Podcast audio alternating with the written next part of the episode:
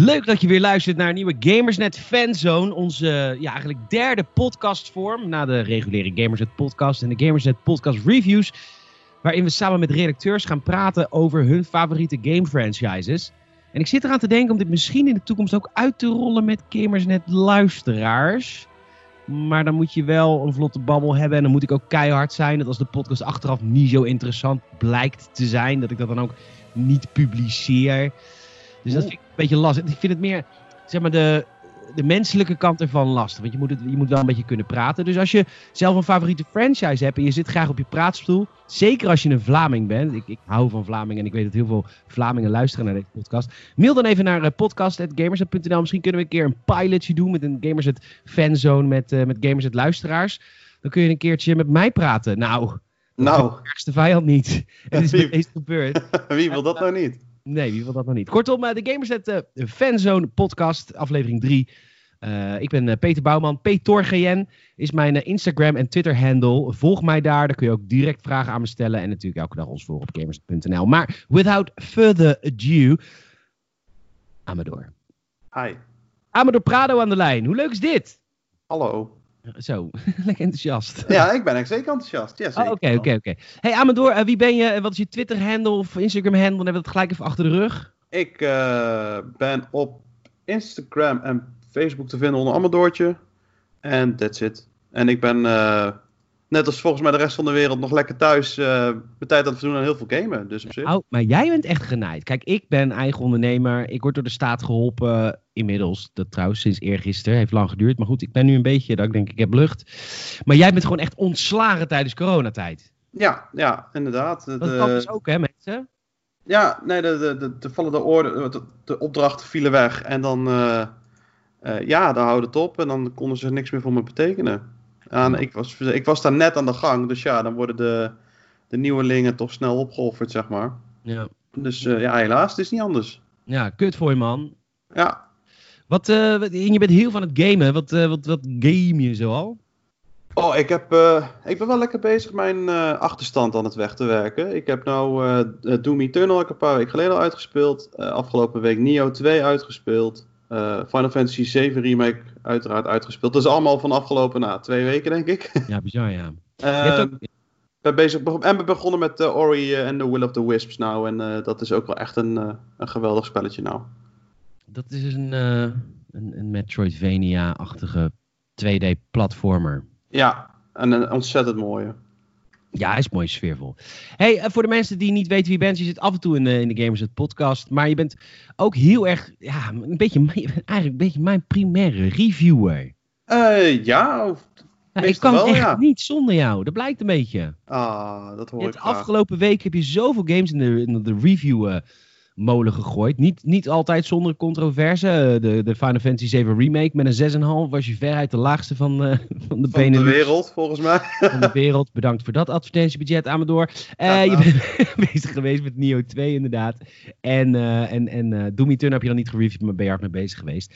Ehm, di- dit, dit item, de, de Games at Fanzone items, waar we praten over één favoriete franchise van een, van een, van een redacteur. Eh, de, de ene episode heb ik het makkelijker dan de andere. Ik, ik weet bijvoorbeeld dat binnenkort ga ik er met Salem één opnemen over, eh, over Batman Arkham.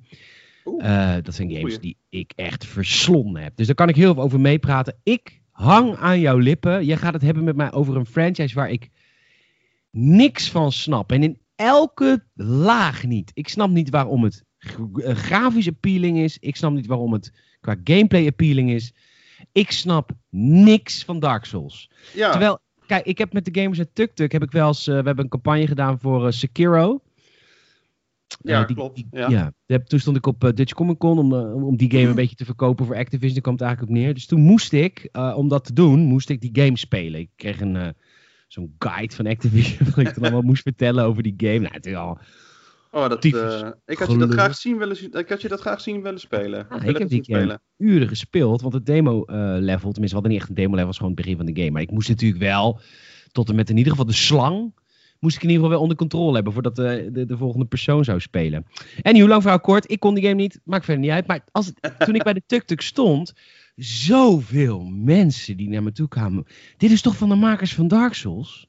Dit is, dit is toch, dit, dit, dit- eh, Dark Souls heeft zo'n ontzettend fanatieke en grote fanbase. Dat is echt uh, inderdaad niet normaal. Nee, dat is echt niet normaal. En het is alsof ik praat over Star Wars, de Clone Wars animatieserie.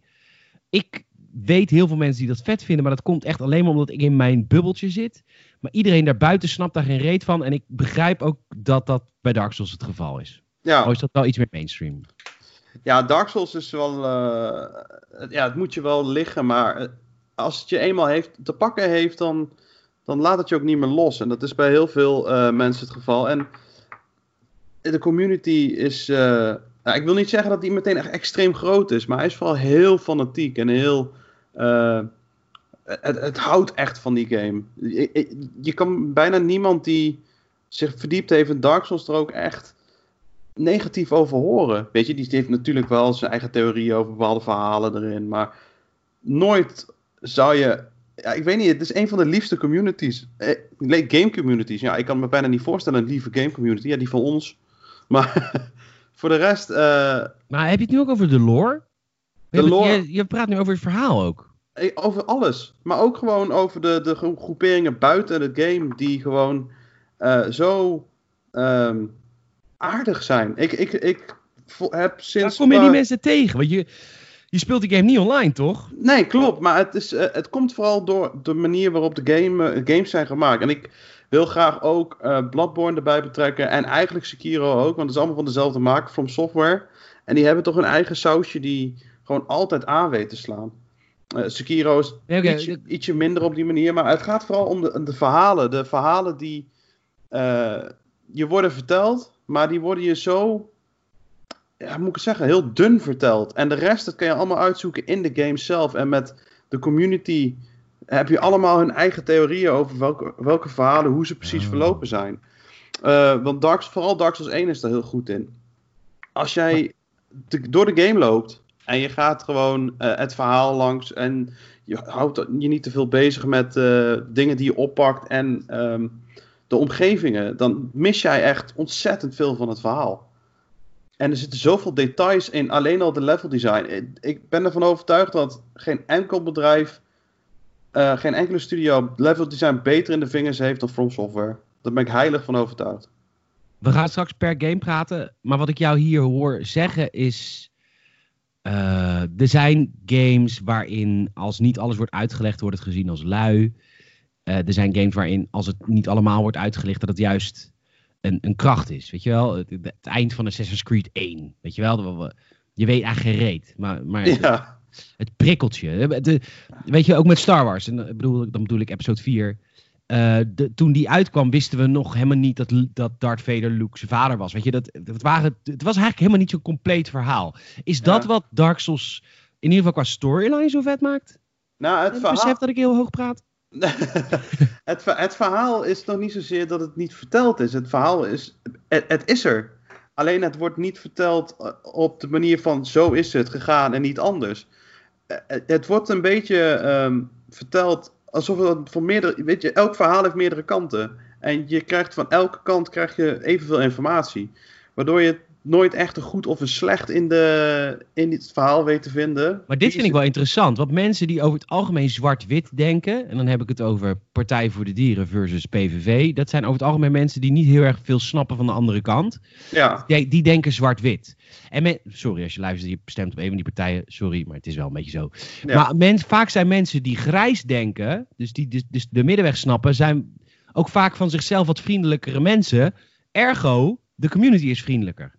Hey, is dit psychoanalyse of niet? Dat is bizar, psycholoog Peter. Nee, maar uh, ja, misschien dat je daar wel een klein beetje gelijk in hebt. Omdat je in alles het, het goede en slechte ziet, als het ware. Dat het, het middenweg heeft. Ja, precies. En um, dat, dat, dat maakt het, die verhalen zo boeiend. Het is, uh, weet je, om het een klein beetje kort samen te vatten. Uh, je, komt, je komt tot leven, je bent een undying. En um, je gaat gewoon of je gaat gewoon. De wereld die, uh, hoe moet ik het zeggen? Die wereld is begonnen met een soort van vlam. En die vlam gaat dood. En als die vlam niet op tijd wordt aangestoken, daar ben jij dan voor. Dan uh, valt de wereld in duisternis. En dan, uh, dus ja, shit gaat dan niet oké. Van de hele wereld. Jij bent af. De wereld is afhankelijk van jouw persoon. Ja, voor jou als persoon. Om een of andere vage reden. Dat, wordt, dat weet je dus ook niet zeker. Geen Waarom, druk verder. Ja, waarom ben jij het? Waarom, waarom niet iemand anders? En wat is het verhaal erachter? En, ehm, en eh, dat- je krijgt ten eerste een hele vette cinematic met... eh, bij, dit is dan Dark Souls 1 waar ik het over heb. Waar dan eh, het ontstaan van de wereld wordt ehm, uitgelegd. En waar je dus tegen, tegen zal vechten. Dat zie je dan ook al vaak al langskomen. En denk je, oeh, dat gaat lastig worden. Ja. Ehm, en dan ga je gewoon je ding doen. Met het enige wat je weet van, ik moet de vlam aan gaan steken, de first flame. Of eh, ja, we gaan allemaal dood.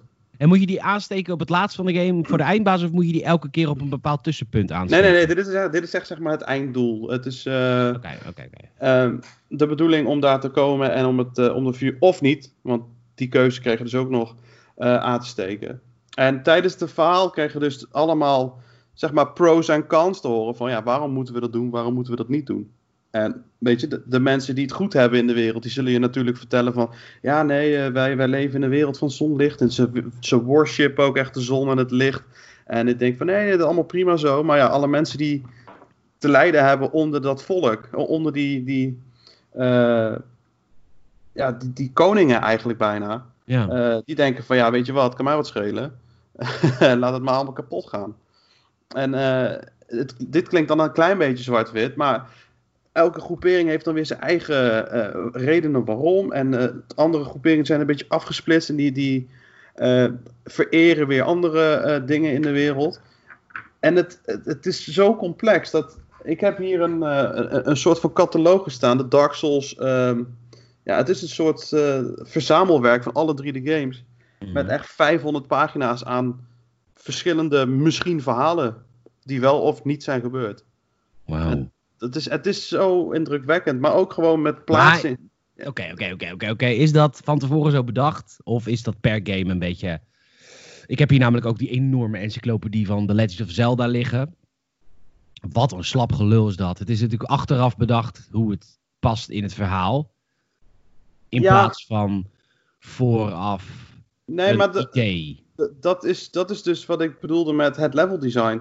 Het le- aan het level design kun je zien dat dit niet achteraf is bedacht, het hele verhaal. Oh. Er zitten gewoon echt. ehm, op een gegeven moment vind je een. Ook gewoon de manier waar de, waar de vijanden zitten. In, in Dark Souls. eh, even kijken, welke is dat ook alweer? Nee, dat is een Ben je nou aan het bladeren in het boek? Nee, nee, dat ben ik Oh. even zelf aan het. eh, Dat zou echt heel vet zijn. in Bloodborne heb je dat bijvoorbeeld. Dat is dus de, de, de meer wat eh, Cthulhu-achtige verhalen van, eh, van een beetje Dark Souls universum. Een compleet ander verhaal, maar ik zie het als een Dark Souls game, want het speelt wel aardig hetzelfde en het is van dezelfde makers. Maar er zitten ook dezelfde rare details in. Eh daar wordt bijvoorbeeld gewerkt, er is daar een verhaal over verschillende ehm, dimensies die zeg maar op elkaar liggen. Dus je hebt een stapels aan werelden, zeg maar.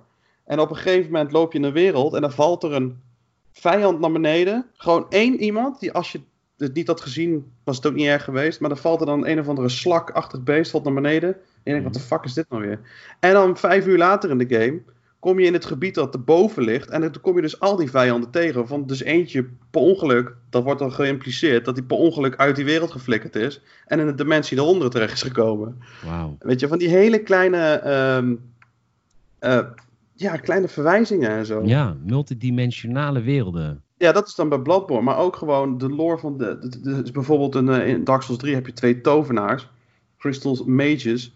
En eh, weet je, als je dat van tevoren niet leest, dan weet je niet waarom ze erop duiken. Maar op een gegeven moment vind je een boek en daar staat dat het dan broeders zijn geweest. En eentje die is achtergebleven in een bepaald fort. En de andere heeft eh, een, een, een, eh, eh, ja, een alliance gesloten met een groepering om hun te beschermen. En die kom je dan ook veel eerder in de game tegen, want je komt toevallig dan die alliance tegen. En dan ben je even die andere Sage vergeten, daar heb ik over gelezen. En ineens staat hij op de plek inderdaad waar alles samenkomt. En oh ja, shit, dat was inderdaad waar. Dat heb ik in dit, boek gelezen. En deze statue verwijst er ook naar. Oh, wauw. Het, het klinkt alsof het, het herspelen van deze games ontzettend bevredigend is. Ja, is het ook. Want als jij, wat ik al zei, als je hier gewoon doorheen rent en je gaat eh, van A naar B en je le- let niet te veel op alle items. Ook alle items die hebben een beschrijvingje. En het is niet van die ellenlange teksten eh, van een encyclopedie. eh, maar echt gewoon een paar regeltjes die aangeven: oké, deze ring is van die en die persoon geweest. Maar wat doet die ring hier eigenlijk? Waarom, ehm, waarom heeft hij hem hier achtergelaten?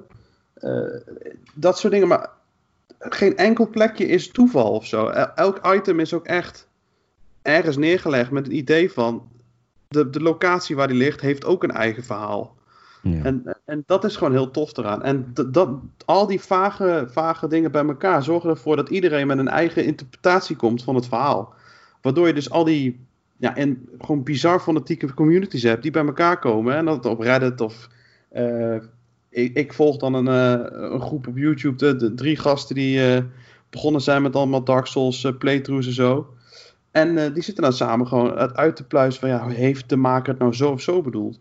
Amador, je vertelt er met ongelooflijk veel passie over. En ik denk dat de luisteraar nu, die fan is van Dark Souls, nu achter zijn telefoon zit eh, of pc en zit te schreeuwen van ja, ja, je legt het goed uit aan Peter, die enorme noob. Maar je zei net iets heel belangrijks.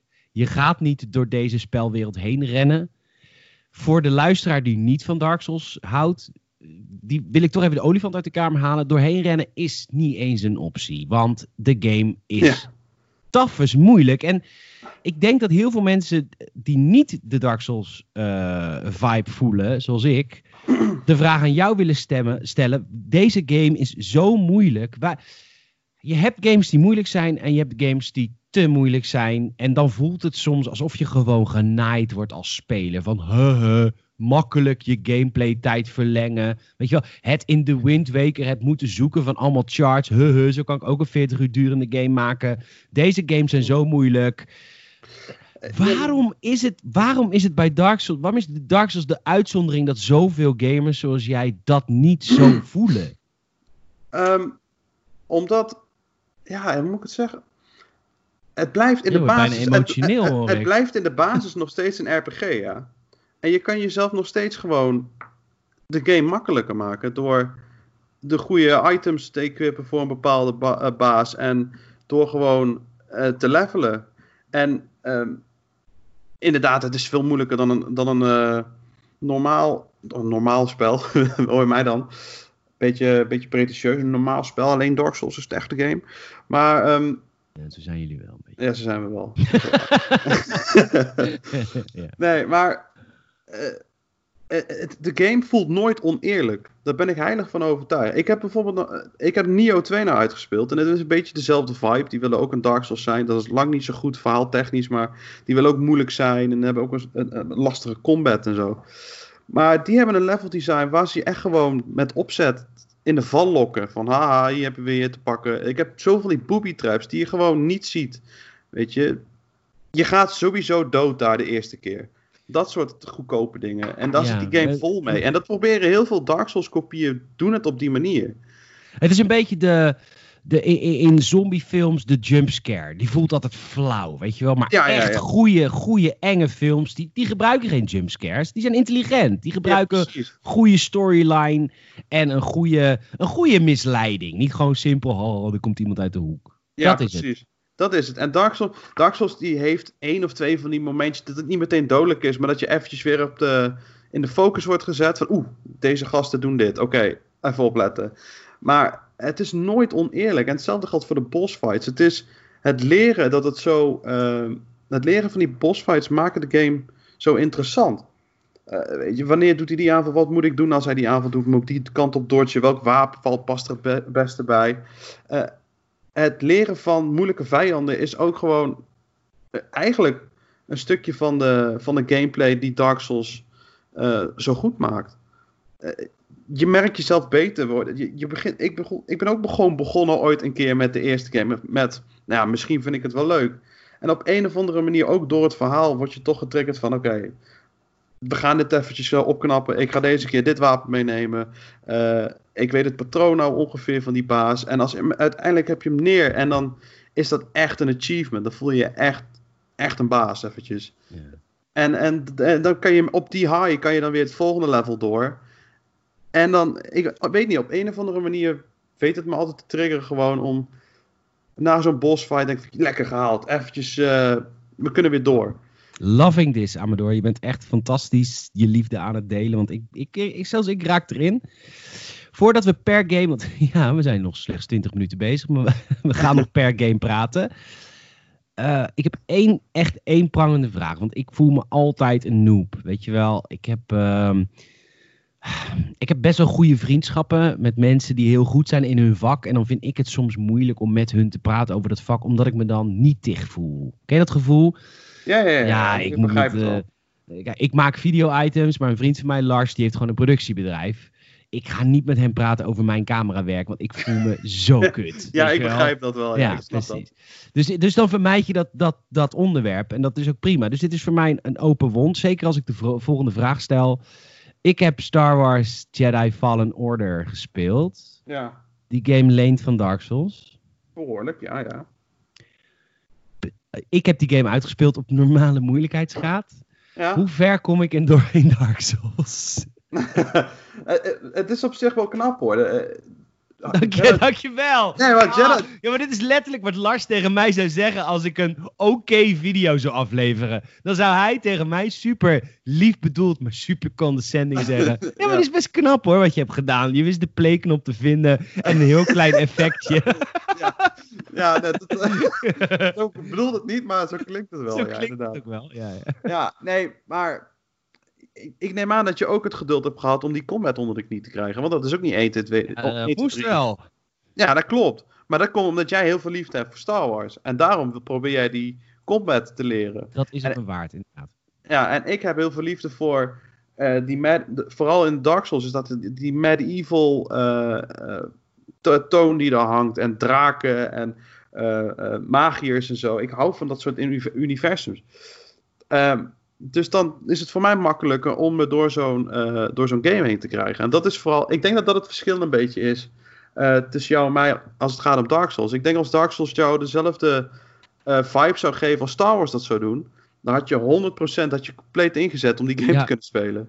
100% waar. Ik zou je vertellen, ik hou van Star Wars dankzij Knights of the Old Republic. Ik had daarvoor nooit een diepe RPG gespeeld ik speelde Knights of the Old Republic en ik wilde er doorheen en ik wilde alles leren. Sterker nog, ik heb nog nooit zo lang een shooter gespeeld als de eerste Battlefront. Uh, ik hield helemaal niet van shooters. Tenminste, niet competitief. Maar ja. Ja, ja dat krijg je Dus ik, ik, begrijp dat. Ik, uh, ik relate, man. Hey, we gaan het straks uh, hebben over elk deel los. Want dan wil ik ook elk deel wil ik los nog even... Dat, dat vinden de, de luisteraars leuk. Dat is, het is inmiddels een Gamers Fanzone. Normaal gesproken komt nu het moment dat ik even Gamers het plug. En de Gamers het podcast. Uh, ik luisterde van de week een, een, een, Amerikaanse podcast over Star Wars. Uh, die hadden het op een superleuke manier gedaan. Een soort um, uh, goede doelen reclame. Maar dan om Baby Yoda te redden van alle bounty hunters die achter hem aan zitten. Oké. Ik kreeg inspiratie om dat zelf ook te maken. Um, kortom, we zijn zo terug.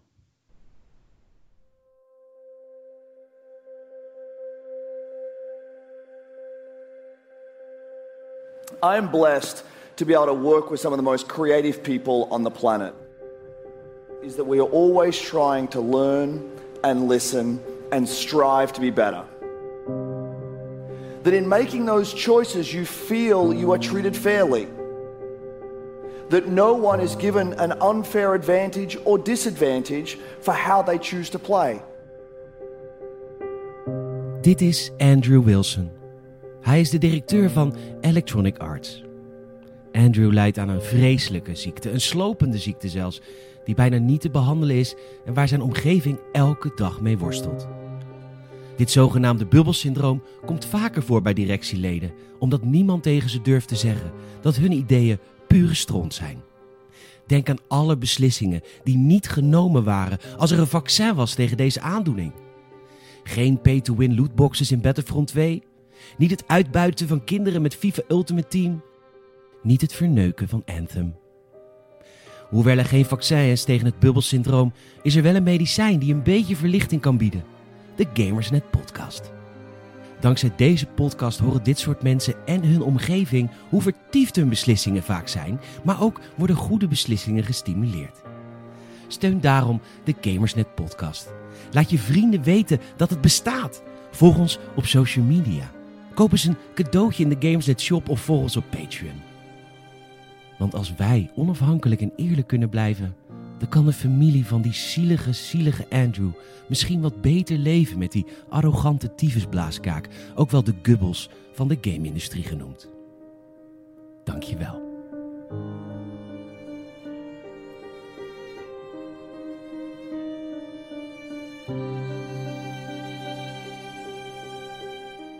Nou, ik hoop dat je het leuk vond om hier naar te luisteren. um, Amor had hem al gehoord. Dit was de eerste over IE. Ja, ja ik vind... Oh, het is, maar goed dat, het is maar goed dat Tom er niet bij is, want die kan hem veel te goed nadoen. Ja, beter dan Andrew Wilson zelf. Mocht je trouwens als luisteraar nog een leuk idee hebben voor een reclame die we kunnen maken, want ik wil eigenlijk eh, elke twee weken of zo wel eentje een nieuwe gaan doen. Uh, je kan altijd mailen naar podcast.gamersnet.nl. Het hoeft niet eens een zielige reclame te zijn. Het kan ook een leuke uh, spoof of parody zijn op een Mario game of whatever. Als je iets leuks bedenkt, mail me vooral podcast.gamersnet.nl. Misschien ga ik jouw idee wel transformeren in een reclame voor onszelf. Nou, hoe leuk is dat? Amador, je hebt supergoed verteld over. Nou, meer, dat, dat doe ik eigenlijk al te kort. Want ik, ik, ik hing net echt aan je lippen. Ik, ik keek net naar de 20 minuten mark. En ik dacht, wat de fuck, zijn 20 minuten bezig? Ja. Ik zie op de Wikipedia-pagina, zover mijn kennis reikt, dat Dark Souls niet de eerste game was in deze reeks. Klopt, dat is Demon Souls. Ja, de echte hardcore, hardcore fans hebben die ook gespeeld. Ja, ja dat klopt. Oh, jij ook? Uh, nee. nee, ik ben echt... Uh, Demon's Souls is wel echt... Dat wordt gezien inderdaad als het begin. Dat is ook de... Ik ga hem even snel opzoeken ook. Want daar ben, ik, niet zo machtig, daar ben ik niet zo machtig uh, in, in die game. Absoluut. Dat hoeft ook absoluut niet. Ik moet alleen voor de volledigheid de volledige Wikipedia-pagina door. Ja, dat snap ik helemaal.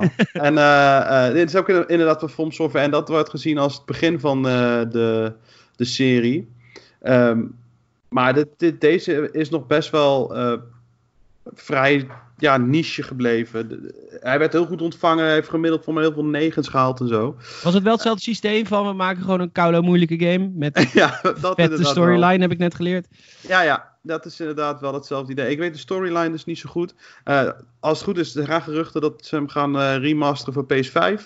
Dan zouden mensen die de remaster van... Uh, Alsof er ooit nog een PS5 komt. de mensen die uh, Shadow of the Colossus hebben gemaakt, die willen, die zijn als het goed is bezig, die remake dan daarvan, die zijn als het goed is bezig met uh, Demon's Souls. Dus uh, dat zou wel leuk zijn om de, voor de, de oldschool fans, maar ook mensen die, die, het nog niet gespeeld hebben, om daar mee te beginnen. Maar bij mij is het, de liefde echt vooral vanaf Dark Souls 1 begonnen. de game Dark Souls is uit het jaar. Even 2011, voor de... als het goed is. 2011. Was het ook de 2011 versie die jou gegrepen heeft? Um, nou ja, ik heb hem laatst weer hergespeeld uh, met de remaster. En dat uh, draait allemaal net iets lekkerder en dat ziet er allemaal net wat mooier uit. Uh, maar vanaf Dark Souls um, ehm, 1, maar vooral eigenlijk Bloodborne, wat eigenlijk niet helemaal bij de serie hoort. Uh, Bloodborne heeft me er echt voor gezorgd dat ik alles echt ben gaan verdiepen en uit gaan pluizen.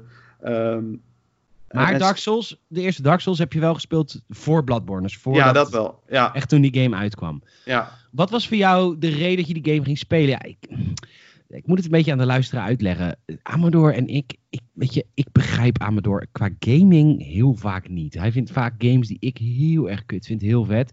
Maar soms vinden we ook dezelfde games vet. Dus het is soms een beetje raar om met Amador te connecten. Oké, dat even tussen de luisteraar en mij.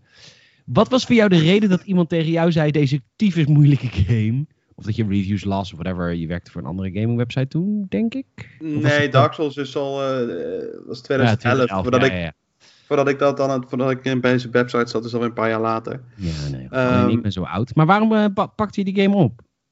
Ik weet niet dat dat. Wat ik al zei, de, de, de vibe van het. Weet je, dat een beetje het middeleeuwse vibe. Ik, uh, draken. En ik moet toegeven, het was ook echt kolo moeilijk. Ik had me er ook echt in vergist. Maar ik weet niet, het wist me wel te pakken. En het was nog niet meteen de love at first sight, om het maar zo te zeggen. Het is later echt ontwikkeld. En vooral naar Bloodborne. Want die heeft ook echt een ontzettend goede verhaalvertelling. Uh, en sindsdien ben ik echt. Alles wat From Software uitbrengt, dat, uh, dat heb ik eigenlijk meteen hoog op mijn lijstje staan. En dat wil ik. Uh... Maar was het direct toen je de game instapte van: oh my god? Nee, eigenlijk niet. Het is heel raar. Het, het is heel raar. Ik heb me er eigenlijk best wel doorheen moeten worstelen, om het zo te zeggen. Maar het, het greep mij op een of andere manier. En um, uiteindelijk heb ik, had ik hem uitgespeeld. Ik van, oké, okay, dat was wel een leuk spelletje. Nee, nee, Eh. nee, nee, nee. Was het toen al dat verhaal waar je net over had? Nee, omdat het net in de kinderschoenen een beetje staat. Eh, De, de, Dark Souls 1 was het, was het begin van vooral dat. Demon Souls is dan het allereerste game. Maar vanaf Dark Souls is echt de, de, de fanbase eh, langzaam beginnen te groeien. En op zijn hoogtepunt, ik denk dat vanaf Bloodborne de boel helemaal eh, ging hypen. Want een jaar later kreeg je Dark Souls 3. Bleek ook een knaller van een game te zijn. En, maar Nee, ik, ik, nee, sorry. Ik neem hier geen genoegen mee. Je gaat te snel vooruit. Ik wil weten waarom je door Dark Souls 1 bent gegaan.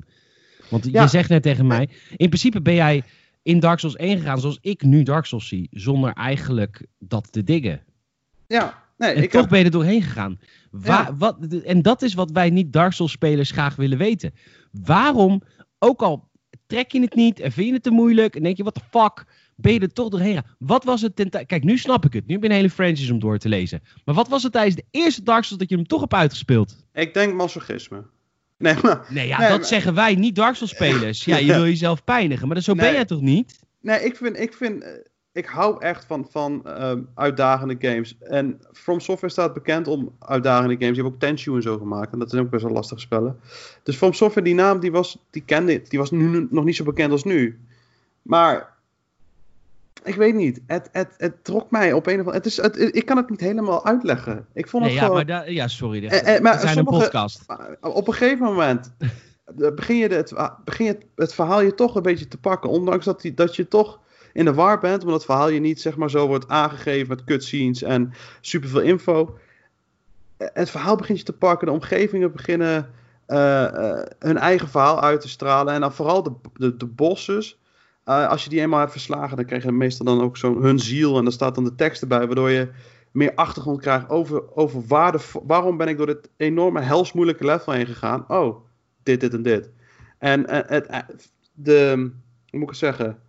Het einddoel wat je hebt na elk stukje level wat je hebt gehaald, is toch heel bevredigend op een of andere manier. Toch dat, dat stu- puzzelstukje wat je dan krijgt van, oh, oké, dus het zit zo. En ben ik als de, die Undying wel goed bezig? Ga, ga ik wel, dus het vuur aansteken, is dat wel een goed iets? En, en ik weet niet, het is een beetje die, de, het verhaal begint dan langzaam een beetje op je te, in je te, te, te werken. En ehm, Ik denk dat ik het wel snap. Ik zal de vergelijking maken met Fallout. Fallout heb je soms een settlement, een dorpje. En denk je, pff, moet ik weer, weet ik veel, 80 gasten verslaan. Maar ja, ik wil toch weten waarom zij hier zitten met dit verhaal. Exact. Dat. En ehm, het, het eh, lullige is nog, althans eh, persoonlijk, eh, ze hebben één DLC uitgebracht later. Die heb ik toen nooit gespeeld, want ik heb die game toen links laten liggen. En dat is eigenlijk gewoon het vetste stukje van die hele, hele game. Want er zit een fan favorite, die heet Artorias zit erin. Artorias of the. Eh, dat is echt een fan favorite eh, game character, omdat het echt een... eh, eh, die heeft echt een verhaal. En hij heeft een hond, dat wil ook helpen. Eh, maar die heeft echt een, een verhaal van een gevallen held. Die, eh, die ja, is geturnd door zijn- werk. Die moest wat doen om, eh, om de wereld te redden. Maar wat hij moest tegenhouden, heeft hem in zijn greep genomen. Eh, waardoor je hem later ook moet vechten als slechterik en zo. En het is hartverscheurend. Want op een gegeven moment kom je allemaal mensen die hem kenden kom je tegen. Eentje die zit bij de, graf, bij, bij de grafsteen bloemen neer te leggen, te huilen en zo. Je komt zijn hond ook tegen. Eh, het is, het, ik weet niet, dat, dat stukje is ontzettend bijzonder eh, van de hele game. En dat is de DLC. Ze hebben het beste echt gewoon voor een jaar later bewaard. Dat vind ik zo bizar. Artorias of the Abyss. Artorias of the Abyss. En ehm, ja, de Abyss, hoe moet ik zeggen, de Abyss is een, eh, in principe gewoon een darkness die de wereld langzaam consumeert. En, ehm, oh god, het is een heel ingewikkeld verhaal. Ik ga het niet proberen uit te leggen, want we zitten hier vier uur. Eh, maar, Nee, nee, nee, maar eh, Amador, ik, ik, ik, ik denk dat ik, be- ja, nou ja, ik krijg zelfs, nou oké, niet helemaal, maar een beetje de behoefte om Dark Souls op te pakken. Ja, Ik zou het heel ja, vet vinden. Ik ben een gamer en, en, en de luisteraar die ook zo'n gamer is. En ik denk dat de meeste gamers het podcast luisteren zulke gamers zijn. Want ja, je luistert deze podcast. Dit, dit, dit soort verhalende games is waar wij van houden. En wat jij nu vertelt over de verhalen die deze game vertelt over verschillende personages heel bijzonder is. Ja, ja, inderdaad. Want de, de, de, er is, er is eigenlijk geen enkel zijpersonage of überhaupt een personage die overbodig uit, eh, aanvoelt, weet je. Die hebben Ja. altijd nog een eigen invulling nog, een, be- een beetje extra invulling voor het overkoepelende verhaal. En eh Artorias is een van de, de hoofdpersonen die dan eh, een bepaald deel van het verhaal voor zijn konto neemt. Dat is dan vooral die abyss, dat hij dan tegen moet houden om ervoor te zorgen dat de wereld niet in duisternis valt. Ehm, Ook weer zo'n belangrijke taak, net als jij als speler. Hij helpt jou. ja, eh, in principe achter de schermen dan, want het, is geen eh, NPC die met je meeloopt. Maar in- Nee. eh, hij doet dat. En je hebt dan hele andere stukken van het verhaal dat dan gaat over, over het koninkrijk van en Orlando, waar verschillende goden leven. Ja, het is, het is zo vet. Het is zo ingewikkeld, maar toch een heel mooi verhaal. En wat dan tegenvalt, want ik ga dan meteen door naar Dark Souls 2 even. eh, is dat Dark Souls 2 heel weinig antwoorden heeft gegeven. En Dark Souls 2 is in mijn ogen ook de minste van, eh, van alle games. En dat vind ik wel jammer. Want ehm, Normaal is een deel 2 altijd de beste. Hè? We hebben Assassin's Creed 2, we hebben Mass Effect 2, we hebben Call of Duty 2, we hebben Empire Strikes Back. Het is allemaal het beste. ja, Assassin's Creed weet ik niet zozeer, maar... Ja, prima. Ja, maakt niet podcast. met- Oh ja, dat is waar ook. De eerste game is het fanzone. Oh, shit, die heb ik nog niet online gezet voor ons allemaal. Die zit nog steeds achter een Patreon wall. Zal Oh. ik binnenkort eh, online zetten. Ah, Oké. Eh, nee, Dark Souls 2 is toch wel eh, een, een mindere, om het maar zo te zeggen. Het, het, het, het, het verhaal wordt niet verder uitgebreid van Dark Souls, die best wel wat open eindjes heeft. En er wordt op een gegeven moment een compleet nieuwe wereld neergezet, met een paar kleine hints naar eh, wat Dark Souls eh, 1 allemaal was. Want het is dan een wereld duizenden jaren later, er wordt elke keer gehint van, deze stad heeft ooit op de grond gestaan van de mythische stad eh, Lordran. Zo heet dan de, de- de- die in deel 1. Ja. En eh, weet je, ze proberen toch een klein beetje van die, van die cheap ass van... eh, oh, you remember this? Maar daar wordt niet echt heel veel mee gedaan. Eh, Hmm. En dat vind ik wel jammer. En daar is, dat is ook te verklaren, want eh, de, de, mijn ja, Lord en Savior, Hidetaka Miyazaki, de, de man van From Software... die is eh, niet bezig geweest met Dark Souls 2, maar die was tegelijkertijd bezig met Bloodborne. Ah, dus dit hebben ze een beetje uitbesteed. Die hebben ze uitbesteed aan wel, het is wel een From Software ontwikkelteam geweest, maar zijn, eh, hij zat er verder niet achter. En ik Nee. denk dat dat echt het grootste gebrek is geweest. Want, Ik eh, geef je nu even de kans trouwens om, eh, om, eh, om je lieve vrouw een kus te geven. Ja, je hoort daar binnenkomen, hè? Zeker. Hoi. Hallo. Hoe heet je vriendin? Sam. Maar dat weet namens je toch? de, ja, weet ik, maar ik vraag het namens de luisteraars van Ah. de Gamers Net Podcast. Welkom, Sam. Ja, Yay. Ja, Jullie hebben al heel lang een relatie, hè? 11 jaar. Echt sinds je, het is echt je jeugdvriendinnetje. Ja, dat klopt. Vanaf toen ik, eh even snel reken, ik met 18. Mooi man. Ja. Het is je echt eh, heel erg gegund. Be glad. Dankjewel. Eh, deel 2 was dus iets minder. Ja, Me- door het verhaal wat me iets... Maar het verhaal was ja, maar oké, dan- maar... ja, maar dat is wel een groot risico met de Dark Souls reeks. Omdat de game zo ontzettend moeilijk is, ja. is er ook weinig vergiffenis voor kutverhaal. Dat is, Ja. dat is echt zo. Ik bedoel, als je, dan wil je niet meer die extra length doen. En dan is elke weerstand te veel. Ja, ik heb, het, ik heb dat echt gemerkt om Dark Souls 2. om- Dat lukte me echt met moeite uit te spelen. Ja, snap Nou, niet man. zozeer omdat ik de games dan niet zo, niet zo leuk vind, maar eh, het verhaal was allemaal wat minder spectaculair. En het is echt nog steeds een hele goede game verder. Maar het heeft.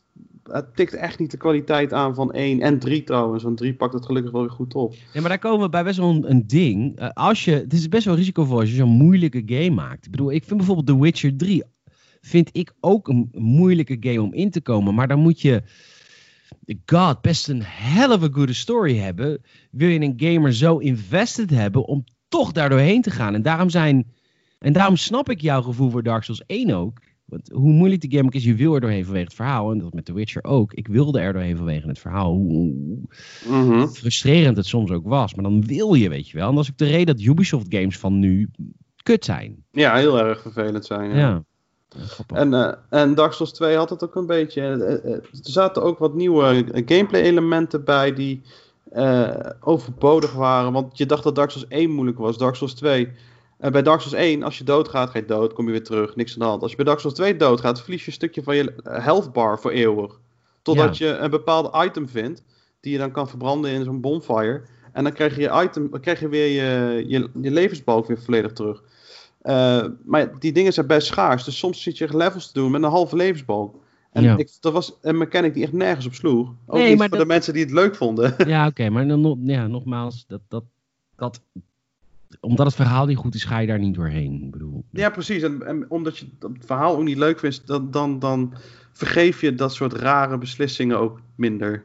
Ik vond het Ik- eh, overdreven, zo'n ding erbij. En nog had- andere dingetjes. Ik had trouwens geen enkel idee dat Dark Souls DLC had, maar best wel behoorlijk wat zelfs. Eh, ja, Dark Souls 1 heeft dan de Stories of the Abyss DLC. Eh Dark Souls 2 heeft drie verschillende. Nee, twee. Eh, the Lost Crowns en Scholar of the First Sin. Skull of the First Sin. Ja, oh ja, ik houd dingen door elkaar, want je moet drie verschillende dingen vinden in de, de tweede uitbreiding. De Skull of the First Sin. Dat is de, ja, dat is die. Maar ook hier, de DLC's maken het verhaal gelukkig wel een stukje beter. Want het stukje waar je eh, voor de Skull of the First Sin doorheen moet, eh, is daadwerkelijk best wel interessant. Dan moet je, het gaat ook over verloren koningen en eh, het verhaal daarachter pakte me persoonlijk dan weer wat meer dan het basisverhaal van Dark Souls Tof. 2. Ehm, na Dark Souls 2 eh, gaan we naar Bloodborne. Want Ja, ehm, Bloodborne is van dezelfde makers. Is een PlayStation 4 exclusive. klopt. Heeft een ander verhaal. Het is een spin-off die zich. Nou ja, ik, ja dit, dit gaat zich niet vertalen naar de niet-Dark Souls-speler. Want speelt het zich af in het Dark Souls-universum? Nee, maar Maar het, ja, dat maakt het dus heel moeilijk voor ons niet-Dark Souls-spelers. Waarom dat dan wel binnen de franchise hoort.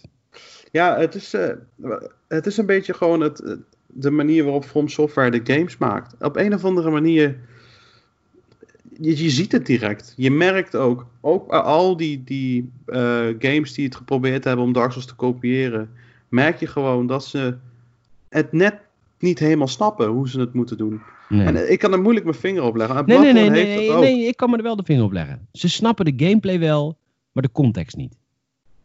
Ja, Ja, dus ze maken een moeilijke game met dezelfde mechaniek en dat snappen ze, hulde voor hun. Maar ze maken niet een tof genoeg verhaal dat je daar doorheen wilt worstelen. Ja, inderdaad. En die- Oh, ik snap eh, het. ook de, ja, Ik heb het uitgespeeld. On, onder andere, maar ook inderdaad de, de, de manier waarop een level. Het level design bij de Dark Souls games en Bloodborne. En ook Sekiro trouwens. ehm, zijn zo gedetailleerd. En die zijn zo belangrijk als aanvulling voor het verhaal. Dat je daar ook gewoon met liefde doorheen loopt. En ondanks dat je net een gevecht uit van de eeuw gehaald hebt tegen allemaal tafels moeilijke beesten. Eh, eh, het, het loont om door, die, om dat- door die wereld heen te lopen. Ja. En eh, ja, Bloodborne is dan een spin-off inderdaad. Of een spin-off, het is eigenlijk gewoon een, een eigen game. En in plaats van de, de, de, de wat de ridders en draken en dat soort dingen... zijn ze vooral een beetje met de Lovecraftian ideeën aan de gang gegaan. Leuk. Dus de, de Cthulhu's en de, de Old Ones, gekke goden en zo. Ehm, en, en allemaal vooral rare ja, sprookjes eigenlijk. Weet je, zitten weerwolven in en vampieren. Of althans elementen daarvan. Klinkt vet. Dus eh, ja, en mijn tip is ook, ik denk dat als jij een Dark Souls game zou willen spelen die jou echt ligt, ik denk dat Bloodborne degene is waar je mee moet beginnen, want hij is ook ietsje sneller. Bij Dark Souls is het vooral, je hebt een schild en een zwaard, je bent veel aan het blokken eh, en aan het timen. Bloodborne is wat, wat, eh, wat sneller. Je, je wordt zeg maar beloond door veel aan te vallen. Eh, als je zeg maar geraakt wordt, dan heb je een kleine window dat als je de vijand terugslaat, dat je je eh, health weer terug kan krijgen. Ja. Dus eh, Dat heeft Star Wars Jedi Fallen Order ook. ja, precies. Ja, precies dat dus. En als je dan, je wordt beloond door agressief te spelen. Dus je, je zit niet alleen maar aanvallen op te vangen en eventjes te slaan. Het is echt dodgen. Je, kan, je hebt een pistool in plaats van een schild, waardoor je met een pistool kan counteren. Dus als je precies op het goede moment schiet, dan stagger je een vijand en dan trek je zijn hart eruit. Super vet. Mhm. Ehm, en het is een iets snellere, eh, iets snellere Dark Souls, om maar zo te zeggen. Het, het speelt over het algemeen nog steeds eh, hetzelfde. De regels zijn nog steeds hetzelfde. Ga je dood, dan eh liggen je zielen op de plek waar je dood gaat. Ga je nog een keer dood, ben je de zielen kwijt. Ja. En met de zielen level je het. Dus je, zoals je het kent bij Dark Souls. Ehm, alleen Maar- het heeft een andere insteek, insteek qua eh, verhaal en qua gameplay. Dus- Ja, en het is ook meer een PlayStation, ja, PlayStation exclusive game als in meer cutscenes en... Maar dat valt wel mee hoor. Eh, Oh. da- da- de Dark Souls games en eh, ook Bloodborne hebben echt niet zo heel veel cutscenes. Oh. Meestal eh, als je een boss room voor de eerste keer in gaat, dat je dan een, een filmpje krijgt dat ze verschijnen of dat ze je een klein stukje verhaal vertellen en dat je daarna een boss fight moet doen. Maar over het algemeen valt het qua cutscenes echt wel mee. Het is echt geen cinematisch 50% eh cutscenes, 50% gamer of zo. Wat was dan die PlayStation 4 exclusive ook alweer? Die... dat was waarschijnlijk Detroit Become Human, denk ik. Nee, nee, nee, nee, nee, nee. Ook een beetje eh Lovecraftian, een beetje... eh, nou, maar niet uit. Een beetje Maar Bioshock, maar, eh, maar niet uit. Ehm, Dark Souls 3 kwam uit in 2016. De fans wilden beter. Want Ja. ze hadden inmiddels Dark Souls 2 gehad. Maar ze hadden ook Bloodborne gehad. Ze zagen hoe het kon. Er Ja. deel 3 uit. Deel 3 kwam, zag en overwon. Ik, Ja. ik, al, ik mag niks negatief zeggen over deel 3. Dan krijg ik echt klappen van jullie. Van jullie Ja. fans. Ja, nou, eh, waar één de grondlegger is, heeft drie eh, het allemaal geperfectioneerd als je het mij vraagt. En dat vind ik gewoon heel tof. Eh, deel 3 is gelukkig weer gemaakt door Miyazaki. Dus dezelfde die Bloodborne en deel 1 heeft gemaakt. Eh, en dat kun je gewoon weer merken. dat Ze hebben die bullshit eh, mechanics eruit gehaald. Eh, ze hebben wel doorgebeduurd op iets meer magie. Want dat had je in deel 1 ook. Maar in deel 3 heb je daadwerkelijk ook echt zo'n, net als bij de meeste RPG's, zoals een Final Fantasy, heb je zo'n MP-balk, weet je, je magiepunten. Je kan dus echt een hele magic build doen, dat is veel uitgebreider. Ehm, Wacht, was magie weg in deel 2? eh, dat was er wel, maar eh, in 1 en 2 had je ook al magie hoor, dat be- begrijp ik niet verkeerd. Maar Ja, in deel nee, in 3 één wel. Maar je zei in deel 1 was het vet. En nu is het in deel 3 terug. Dat zei je letterlijk. Ja, oké. Wat ik bedoelde, 1 en 2 hadden het ook wel. Maar 3 hebben ze het wat. eh, hebben ze het een eigen systeem een beetje meer gegeven. Ja, Oké. je hebt nu dus je, je magic points. en je kan uitgebreidere builds doen met pyromancy en allemaal verschillende soorten spreuken, miracles. Eh, super uitgebreide RPG-elementen zitten erin. Een, Veel een, uitgebreidere skill tree. Je kunt meer powers unlocken. Ja, het ligt er maar net aan inderdaad welke, welke route je gaat. Want je kan. Hey, eh, hey, hey, hey. In my defense. Ik ben de Matthijs van Nieuwkerk van deze podcast. Ik moet alles versimpeld uitleggen voor de mensen die het niet spelen. Hè? Ja, dat is waar. Ja, je, kan, je, begint, je kan in het begin, als je je character maakt, kan je een, eh, een profession kiezen. Weet je, je hebt barbarians, een warrior en een mage en dat soort dingen. Mm. Eh, en die beginnen dan allemaal met de stats die, daar, die voor hun, eh, voor wat je kiest, eh, het beste is. Dus een mage heeft ook meer magic defense en dat soort ellende. Je kent het wel een beetje van de meeste RPG's. Mm. Ehm, maar wat Dark Souls 3 vooral zo mooi maakt, is dat het Dark Souls 1 ehm, het meer Dark Souls 1 uitbreidde en ook veranderde tegelijkertijd qua verhaal. En dat was heel erg tof. Wat jij eh, bij Dark Souls 1 dacht van, oh het zit zo.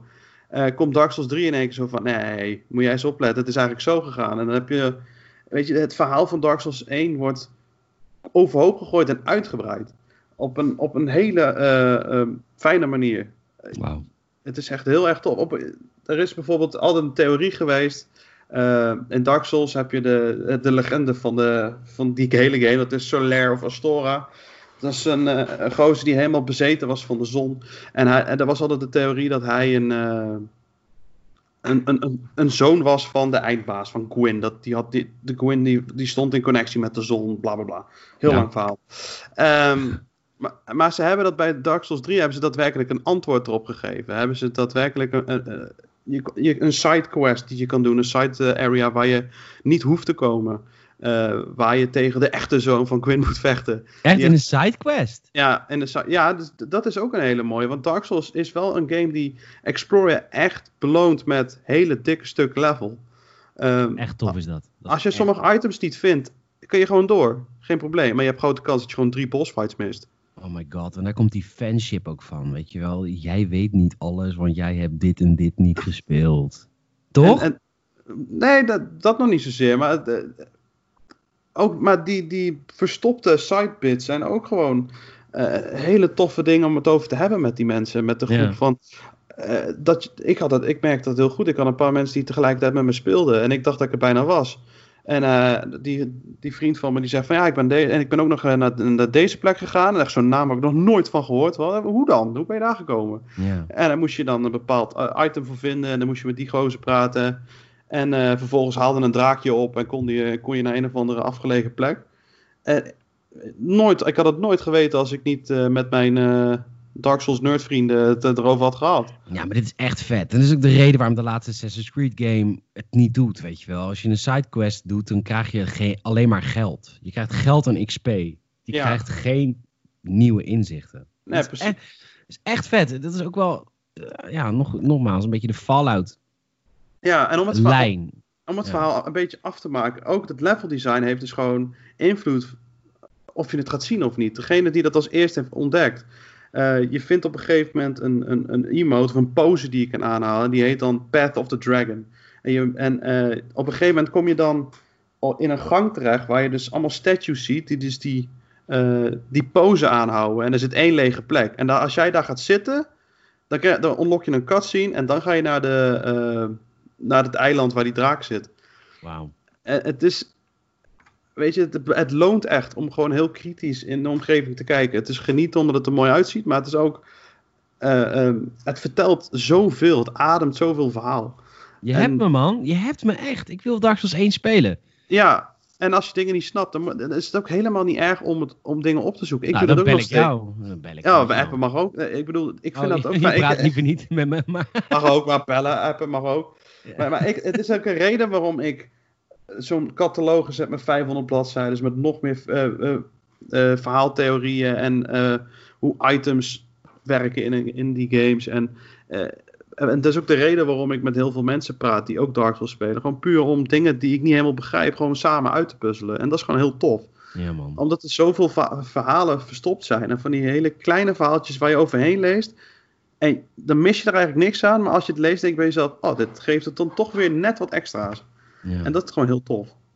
Amador, je bent het bewijs dat ik uh, de Gamers het Fanzone heb gemaakt. Of bedacht. Want ik wil, kijk, ik snap fandom als geen ander. Ik ben zo'n fan van Mass Effect en zo'n fan van Fallout. Ik snap het om fan te zijn. En dan is het superleuk als je uh, andere mensen die fan zijn van andere games en franchises, dat je die hoort vertellen op een, uh, op een passionele manier.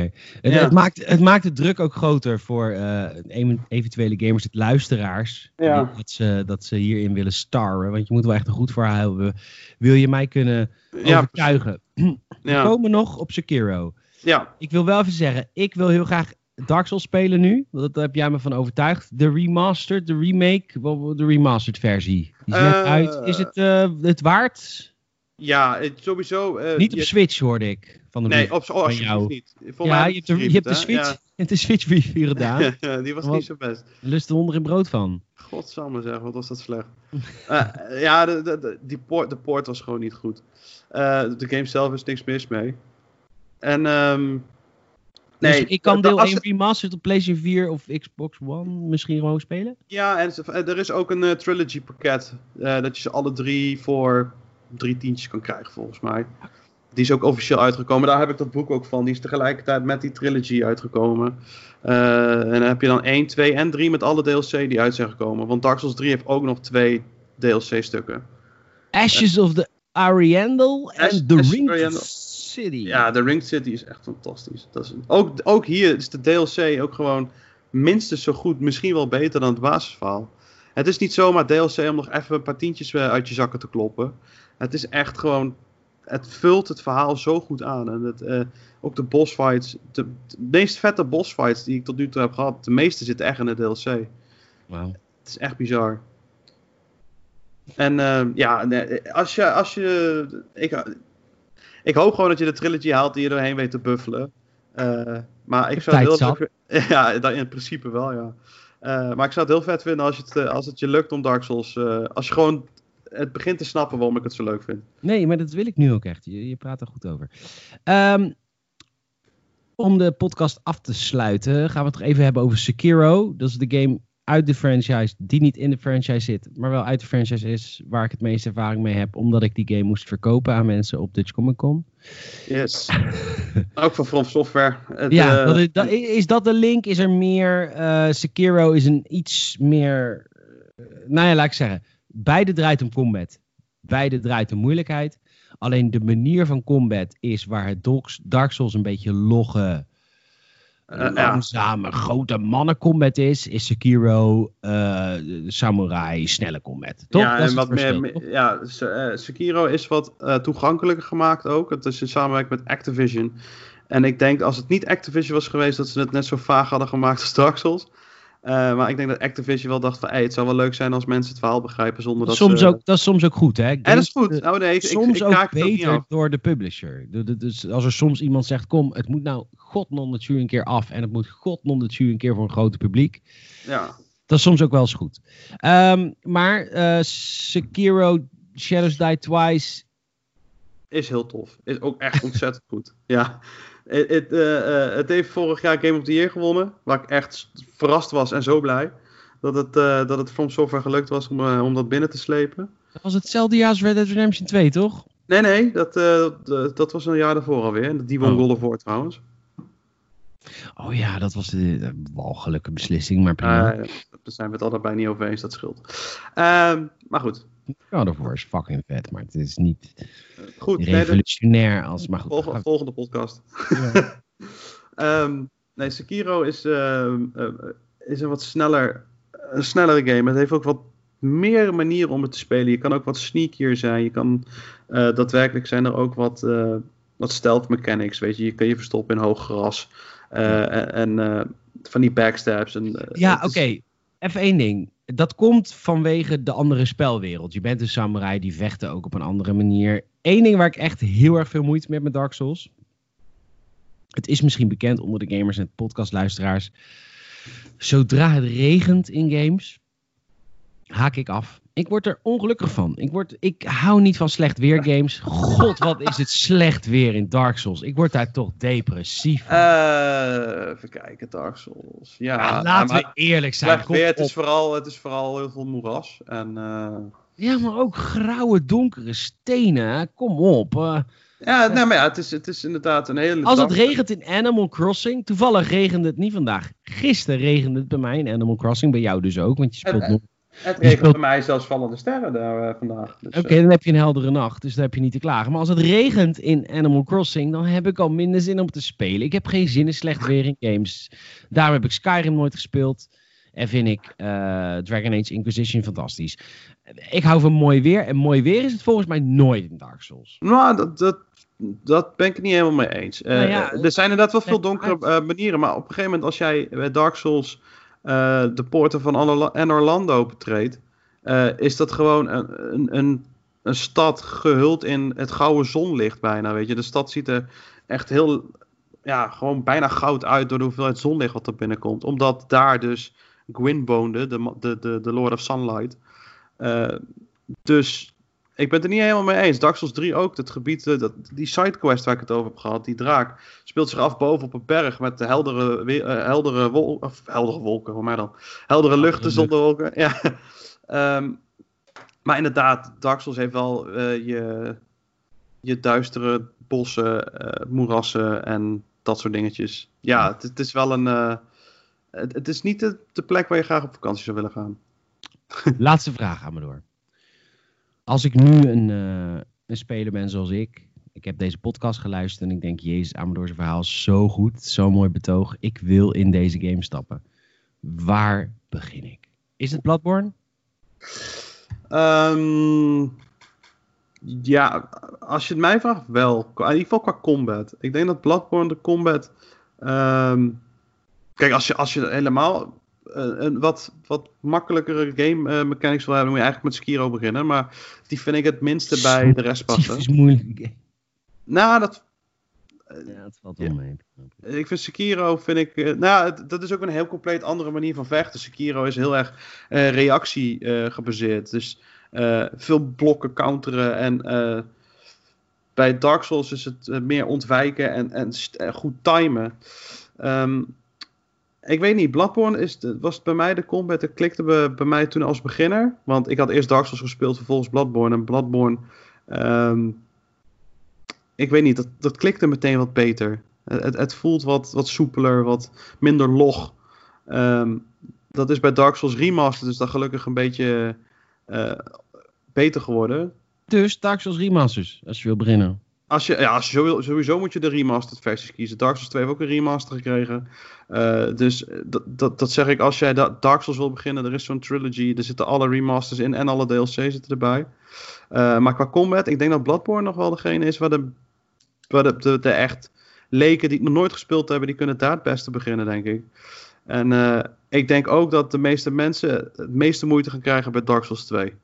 Ja, want het uh, verhaal was gewoon interessant genoeg om door te gaan. Ja, en ook de, de, de gameplay is, is... Op een of andere manier ontbreekt er iets aan. Sowieso die rare mechanics. Um, het voelt allemaal iets minder gepolished. Het, het, dus ik denk, als je wil beginnen, Bloodborne of Dark Souls 1 en Dark Souls 2... Als, als je de smaak te pakken hebt, ik hoop dat je er doorheen komt. Maar dat is toch wel degene waar, uh, waar heel veel, heet dat, heel veel uh, uit, uithoudingsvermogen voor, is, uh, voor ja, nodig is. Ja, oké. Okay. Dankjewel uh, Amador. Ik, uh, omdat je zo gepassioneerd over deze franchise hebt gepraat en zelfs mij over hebt, zijn er toekomstige Gamers at Fanzone podcasts waar je over zou willen praten? Oeh, zijn er nog een paar. Nou, kijk, ik wil je sowieso... Uh, Als een soort van teaser naar de luisteraar van God, uh, mocht Amador een keer terugkomen met een gelief ja, ik heb er wel een aantal. Ik heb, uh, als ik zo even mijn uh, decade lijstje erbij pak, ik, dan kan ik het nog een keer over God of War hebben. Ik, uh, Borderlands heb ik heel veel liefde voor. Dus oh. er zullen vast wel wat, wat games tussen, tussen zitten die ik ook wel een keer zou willen bespreken. Leuk. Dankjewel. Als je nu geluisterd hebt, dankjewel luisteraar. Er komen allemaal extra podcasts in jouw feed. Um, graag gedaan. zeg ja, ik bij deze. Gedaan. Graag gedaan. Dat doen we met liefde. De, ik weet sowieso dat de volgende aflevering met Salem is. Weet je, onze vaste co-host van de Gamersnet podcast. Van de reguliere podcast. We gaan het de uh, volgende keer in Gamersnet Fanzone hebben over de Batman Arkham reeks. Dan gaat er ook een gemaakt worden met onze Michiel over de Gears of War reeks.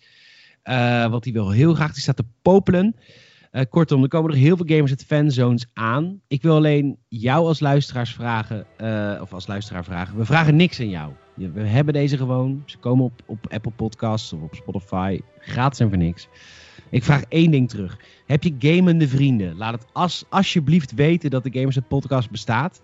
En laat alsjeblieft een review achter op Apple Podcasts. Dat kan ook als je geen Apple gebruiker bent. Want hoe meer positieve reviews wij krijgen, en we hebben er al heel veel, maar we willen er nog meer. Hoe hoger wij komen in de lijstjes als mensen zoeken op games ik wil een podcast over games. Dan komen we heel hoog in die lijstjes. Uh, doe dat alsjeblieft. Help ons groter te worden. Dat zou ik echt super fijn vinden. Um, en volg gamerset.nl elke dag voor je laatste nieuws. En Gamerset op social media voor de highlights van het nieuws. Want we posten niet zo heel veel op social media. Maar als het echt dik nieuws is, dan doen we dat wel. Dat is mijn taak aan jou, luisteraars. Uh, Amador, onwijs bedankt. Ja, graag gedaan. En uh, ik hoop je heel snel weer te spreken. En ja. uh, in de nieuwe Gamerset podcast of in de nieuwe Gamerset fanzone. En uh, luisteraar bedankt voor het luisteren. En tot de volgende. Doei.